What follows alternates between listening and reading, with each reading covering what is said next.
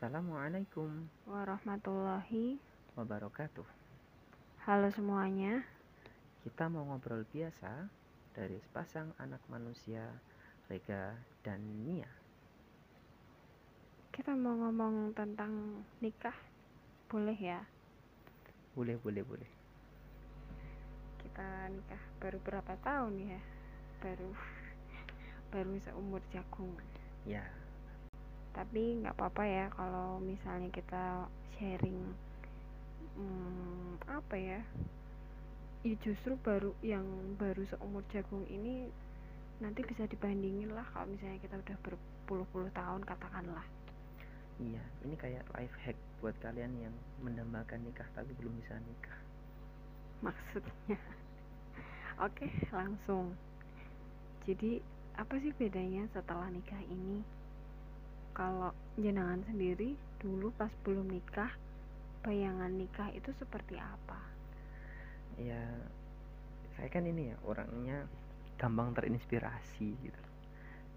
Pas dulu kuliah terus apa namanya sering kan dulu banyak kakak-kakak tingkat ataupun kakak di organisasi itu yang pada nikah. Kayaknya tuh uh, wow banget gitu loh. So sweet uh, uh, ya atas itu aja saya pengen nikah tuh awalnya. Itu awalnya dulu waktu masuk pertama kali kuliah. Biasalah anak-anak alay awalan kuliah dan sosok dewasa kayak gitu. Itu gara-gara sering ikut kajian pranikah nggak sih? Bisa jadi. Nah, bisa sering ikut kajian pranikah dengerin nasihat tentang nikah nikah ya yes, kayak gitulah. Terus ini akhirnya ikut kajian pranikah atau apa gitu nggak? Nggak nggak mau karena eh, kadang-kadang kalau kita belum siap keseringan ikut kajian pranikah jatuhnya malah ini apa namanya obsesi ya bukan obsesi.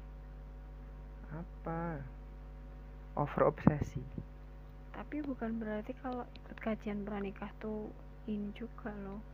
Justru malah penting loh. Kayak temanku tuh uh, ikut kajian pranikah justru dari sana dia tahu banget oh ternyata setelah menikah itu kayak gini kayak gini kayak gini. Jadi tujuan awal dia nikah yang misalnya hanya dengan tujuan A dia bisa ubah tuh tujuannya jadi lebih serius. Ternyata menikah itu butuh tanggung jawab dan sebagainya. Jadi enggak nih kalau dulu tuh aku gini nyetop buat ikut kajian pranikah tuh karena sebenarnya aku udah siap nikah. Siap buat apa ya pengen banget nikah gitu. Umur berapa uh, eh, 18 tahun. Cuman sayang, ditiru ya hati-hati. Cuman sayang pas itu kan ini ya cuma ada keinginan tapi belum ada uh, material dan sebagainya. Ilmu juga masih cepet-cepet. Tapi udah pengen banget nikah. Makanya caranya buat nyetop keinginan yang berlebih itu uh, jarang-jarangin ikut kajian pranikah. Tapi serius deh sebenarnya kalau laki-laki atau cowok secara umum tuh kepengen nikah tuh karena apa gitu loh? Baik cowok-cowok yang enggak mengenal agama ataupun yang mengenal agama. Jujur nggak nih? Sebenarnya kalau sebabnya banyak ya. Yang pertama ditinjau dari cowok beriman dulu. Biasanya kalau cowok beriman dulu itu kalau dia pengen nikah pertama karena memang uh, terinspirasi sama hadis-hadis dan sama motivasi dari ustadz-ustadznya. Pengen mengenapkan agama mengenapkan amalannya. Yang sebelumnya kalau nggak nikah uh, dinilai setengah eh satu kali ya. Tapi kalau udah nikah amalnya jadi dua dan kelipatannya. Dan setiap amalan-amalan sepele itu jadi pahala yang gede gitu. Dan kalau ditinjau dari cowok-cowok yang biasa biasanya biasalah alasan itu. Pengen itu fitrah laki-laki ya intinya ya. Tidak bisa dibohongi yang namanya manusia tuh pasti punya fitrahnya masing-masing. Apalagi laki-laki tuh pasti punya itu ya kondisional itu ya. Oh iya. Ngomong-ngomong karena kepengen nikah tuh umur 18 target nikahnya dulu tuh umur berapa? Kalau dulu pas aku pengen nikah tuh umur 22 23 sebenarnya. Dan di kamar tuh udah tak tulis ini. Target-targetan dari A sampai Z. Lulus dengan IPK 4,0 lulus dan tidak terlaksana. Lulus kuliah tiga setengah tahun. Astagfirullah nggak terlaksana. Terus eh, nikah di umur 25 tahun. Indong yang terlaksana nih. Hafiz Quran umur 25 tahun. Dan eh, terus eh, berguna banget untuk organisasi dan sebagainya. Itu beberapa targetan dulu. Dan terakhir alhamdulillah yang terlaksana itu cuma yang nikah ini. Yang lain belum. Alhamdulillah tapi paling enggak ya karena nikah itu mengenapkan separuh agama jadi ya Alhamdulillah gitu ya. Ya alhamdulillah. Ternyata emang Allah memudahkan jalan kita kan. Nah, dulu waktu pengen nikah itu dari umur 18 nahan sampai umur 24 itu kan banyak ada aja halangannya gitu dan akhirnya terlaksana di umur 25 Sep, kayak sunahnya Nabi kan ya 25 gitu. Terus sekarang tuh pas udah nikah bedanya apa dong? Bedanya. Nah ini kondisional nih. Ada banyak hal yang bertambah dan berkurang. Contohnya apa yang berkurang? Kalau dulu sebelum nikah kita biasa kan ya keluar keluar malam terus nggak nggak terlalu merhatiin pulangnya kapan di rumah kapan terus mau main sesukanya gampang pakai duit juga biasa aja buat main buat jajan. Kalau sekarang beda habis nikah kita jadi lebih mateng. Mau pulang jam berapa itu udah ada yang nunggu di rumah. Mau kucing. Iya kucing. Terus mau pakai duit misal buat hobi. Kalau saya kan hobinya ini ya eh, main game sama beli gundam sekarang harus dikontrol nggak bisa kayak dulu lagi. Karena apa? Ada orang yang menunggu di rumah ada orang yang harus kita cukupin kebutuhannya gitu. Tapi tiap bulan udah beli gundam tuh? Ya itu kan wujud dari apa ya? Ah, penyaluran. Sama aja. Dulu beli gundam sekarang juga beli gundam. Yelah yelah Terus Apalagi ya? Kalau sebelum nikah Kita kan biasa ya main sama eh, Teman-teman baik cewek maupun cowok. Sekarang lebih hati-hati.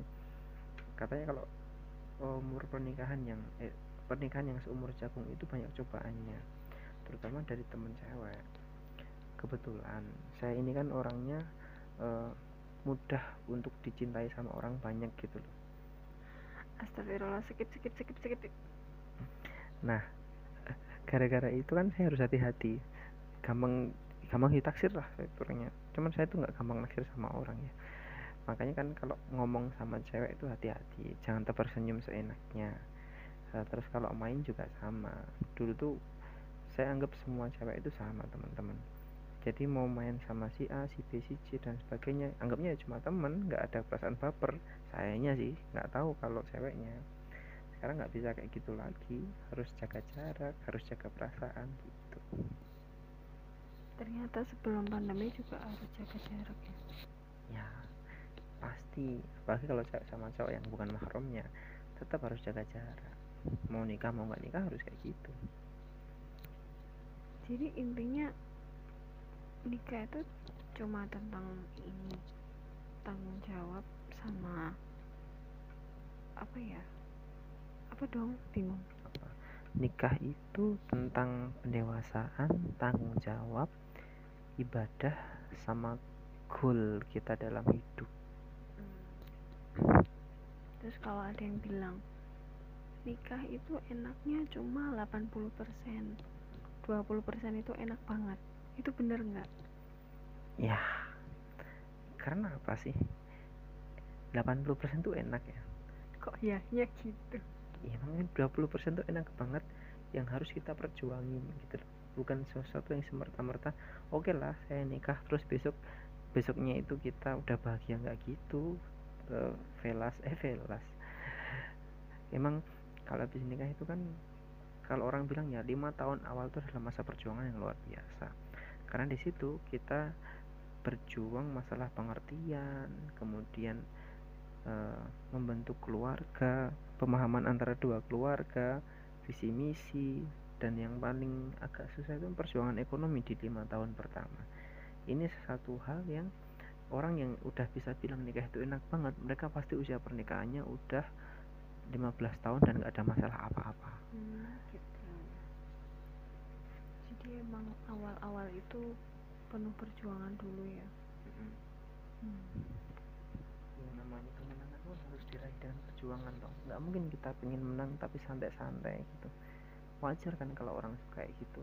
E, nikah itu 80% enak sisanya enak banget. Ya iyalah perjuangannya udah di awal kok. Beliau-beliau udah paling umurnya 35 tahunan. Dulu mereka waktu awalan nikah itu juga ber, pasti perjuangannya luar biasa. Tapi apakah nikah itu cuman soal ekonomi dan tanggung jawab? Enggak tadi kan udah bilang nikah itu kan cuma masalah ibadah sama goal life goal kita gitu loh. Jadi gini dengan kita menikah kalau ditinjau dari segi agama nikah itu kan ibadah yang paling lama ya. Kalau misalkan begini sebelum kita nikah ada yang pacaran gitu. Jalannya kita sama pacar kita gandengannya kita sama pacar kita kemudian makannya kita sama pacar ke mana pun kita sama pacar itu semuanya jadi dosa gitu. Tapi kalau kita habis nikah ngobrol sama pasangan dengan cara romantis pegangan tangan nonton film bareng bahagiain istri itu maksudnya ke ibadah dan ada pahalanya. Jadi kan enak banget orang setelah nikah ngelakuin hal sepele aja jadi ibadah. Beda kan sama yang sebelum nikah yang jadi batas antara dosa dan ibadah itu ada di ijab gitu ijab kabul. Sebelum ijab orang ngelakuin apa pun dengan pasangan itu dapatnya dosa. Setelah ijab orang ngelakuin apa pun dengan pasangan jadinya itu adalah sebuah ibadah. Itulah yang bikin orang yang paham agama termotivasi buat nikah di situ. Oke oke. Jadi kayak gitu. Ini kok kayak aku hostnya terus dinangan narasumber ya? Lah kamu yang tanya-tanya terus kok. Saya mau tanya? Terus bedanya nikah buat cewek itu apaan? Bedanya apa ya ya pasti ada yang melindungi ada yang antar jemput. Enggak lah lebih dari itu. Kalau dulu aku waktu kuliah itu ketika awal-awal kuliah yang paling aku ingat itu ketika uh, naik motor parkir parkir motor. Terus habis itu motor eh, parkirannya sumpek banget terus aku nggak bisa ngeluarin. Terus aku mikir kayaknya kalau aku punya seseorang yang bisa ngantar jemput aku aku nggak perlu susah-susah kayak gini. Apalagi kalau lihat sesuatu yang crowded hektik dan uh, apa berat-berat kayak gitu kadang asmaku jadi kumat kan. Terus aku mikir kayak gitu coba aja aku udah nikah pasti aku udah punya seseorang yang bisa ngantar jemput. Itu itu normal nggak sih kayak gitu? Maksudnya tuh cewek-cewek kalau sebelum nikah sebelum punya sebelum ketemu sama pangeran yang dia impikan tuh sering banget mikirnya tuh pasti kayak gitu. Atau mungkin ya sebagian cewek nggak ngerasain. Terus setelah aku nikah tuh kerasa banget bedanya tuh pas teman-temanku tuh mulai uh, kayak ngasih jarak gitu loh. Mereka tahu aku udah nikah. Terus kok udah jarang yang ngajakin makan jarang yang ngajakin main terus aku mikir oh mungkin mereka ini kali ya uh, ngerasa karena aku udah punya jenengan gitu. Jadi nggak uh, mau ganggu. Karena itu yo aku udah punya kehidupan sendiri sama jenengan kayak gitu. Di satu sisi ya apa ya kadang aku ngerasa sama pengen ngomong sama teman-temanku nggak apa-apa. Kalau misalnya kalian mau ngajakin aku main mumpung aku belum punya baby waktu itu. Tapi mungkin karena sekarang aku udah punya baby jadi makin kerasa lagi. Hmm, ya gimana ya udah punya kehidupan masing-masing gitu kan. Apalagi kalau udah punya anak kan agak susah juga ngatur waktunya. Oh jadi nikah itu cuma buat mindahin parkir ya? Enggak gitu bang bang itu kan cuman apa ya ekspektasi kecil dari seorang mahasiswa yang kebingungan. Intinya kayak butuh guardian angel gitu loh.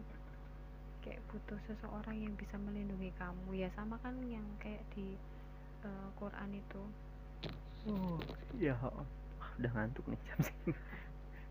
Ketahuan kan bikin podcastnya jam berapa. Nungguin anak bobo dulu. Ya udah intinya ya intinya kayak gitu ya bedanya setelah nikah ya. Tapi karena kita nikahnya berdasarkan visi misi agama ya enggak pasti pakai visi misi agama kan? Ya, ya.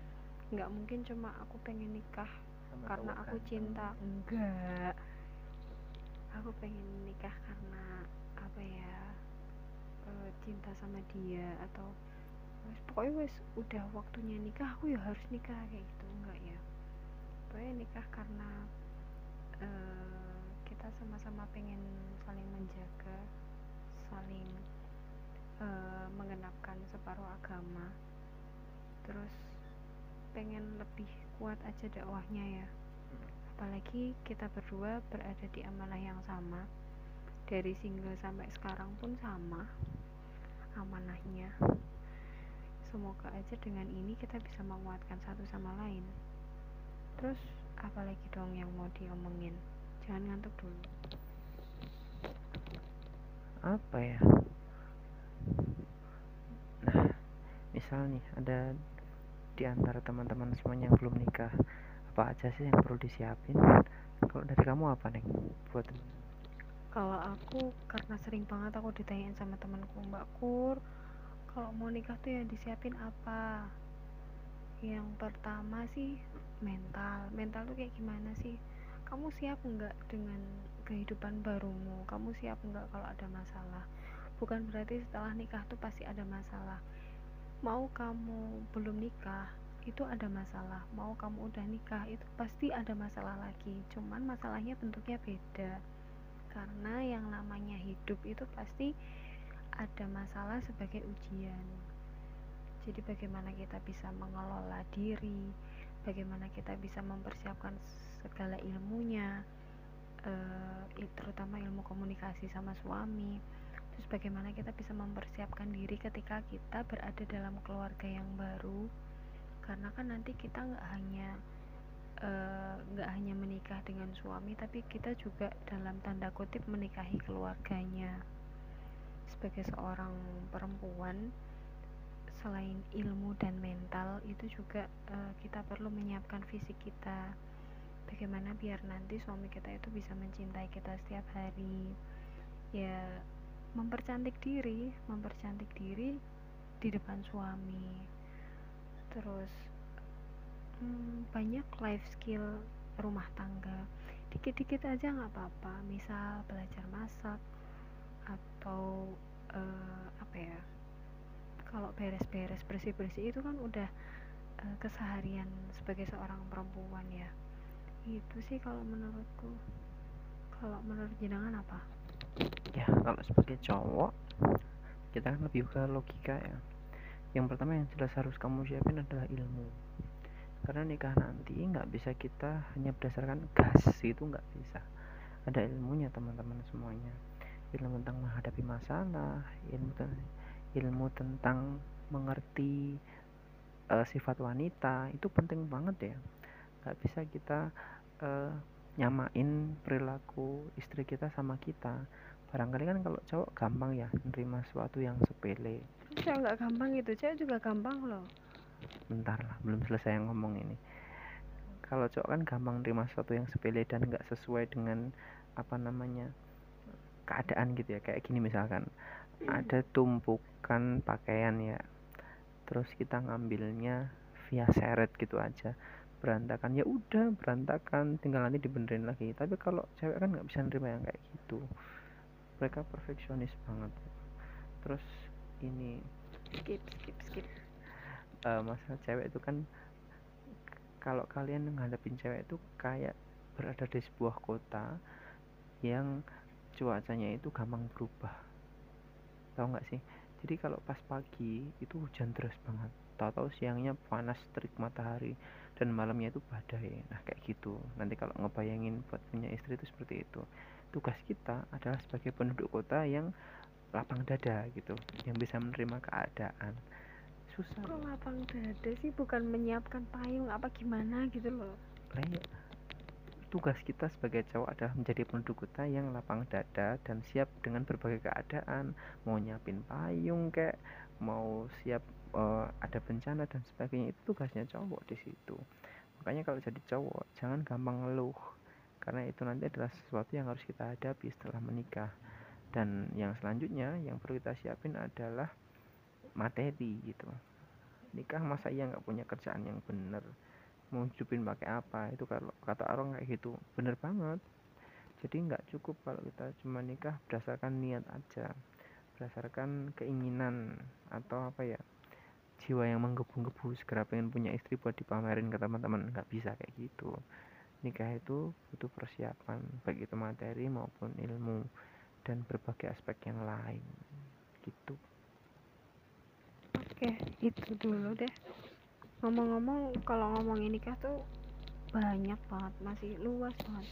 Kok tadi saya ngomong uh, kenapa sih pengen nikah waktu masih single karena pengen punya guardian angel. Enggak sebenarnya lebih uh, lebih luas dan lebih kompleks daripada itu. Cuman karena tema kita terbatas pada apa bedanya setelah nikah jadi ya ini dulu aja. Udah deh oke. Okay. penutup dulu ya. Gimana nih penutupnya? Langsung aja ditutup ya. Wassalamualaikum. Warahmatullahi wabarakatuh